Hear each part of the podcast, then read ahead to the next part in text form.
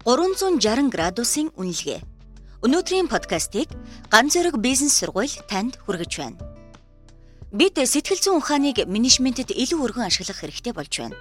Өнөөдөр нэгэн туршлагаасаа та бүхэнтэй хуваалцъя гэж бодлоо. 360 градусын үнэлгээ буюу тухайн менежерийг бүх талаас нь үнэлдэг аргачлал байдаг.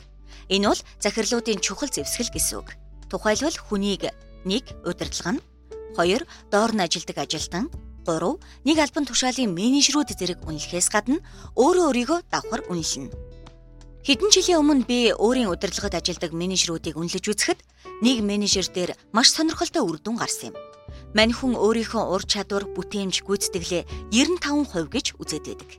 Гэтэл 360 градуст нь байгаа бүх хүмүүс дунджаар 50-аас 60 оноо өгсөн байлаа.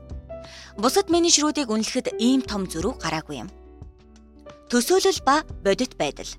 Тэгэхээр энэ менежерийн 95 оноо нь хуурамч төсөөлөл үү аль эсвэл бодит байдал уу? Хүмүүс түүнийг хилмигдүүлээд байна уу гэдэг асуудал босч ирж байгаа. Өөрөөр хэлбэл цэвэр сэтгэл зүйн асуудал.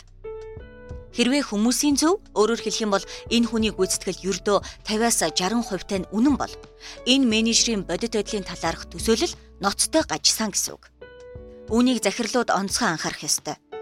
Бодит байдлын талаар хол зөрүү төсөөлөлтэй менежер бол тесрэх бөмбөгөл гэсэн үг. Танай байгууллагад тун хортой үр дагавар учруулах болно. Энэ менежерийн тоон үр дагавруудыг шалгаад үзэхэд үнэхээр 50% та үгүйтэй л байлаа. Компани чухал функцийг удирддаг доороо олон ажилтнтай менежерийн төсөөлөл бодит байдал хоёр ингэж хол зүрх юм бол танай компани маш том хохирол амсах болно. Сэтгэл зүйн ийм гажуудалд орсон хүн аливаа шаардлагыг хүлээн авч чадхаа болдог аргагүй шүү дээ. Өөрийгөө 95% та байна гэж дүгнэж байгаа юм чинь. Яванда өөрийн бодит байдлыг олж харах, хүчин чадлаа дайчлах, шүүмжлэлийг сонсох талдаа биш, харин өөрийн хуурамч төсөөллийг ямар ч үнээр хамаагүй батлах чиглэл рүүгээ ороод явчих эрсдэлтэй. Анхаарах зүйлс 360 градусын үнэлгээ бол менежментийн үнэхээр чухал хэрэгслүүр. Та компанид ашиглахдаа хэд хэдэн зүйлийг анхаарах хэрэгтэй. 1 Үнэлгээ өгөгч хүн өөрийнхөө сайн мэдэхгүй, танихгүй хүнийг үнэлж болохгүй. Энэ нь үнэлгээний чанарыг доройтуулна. 2.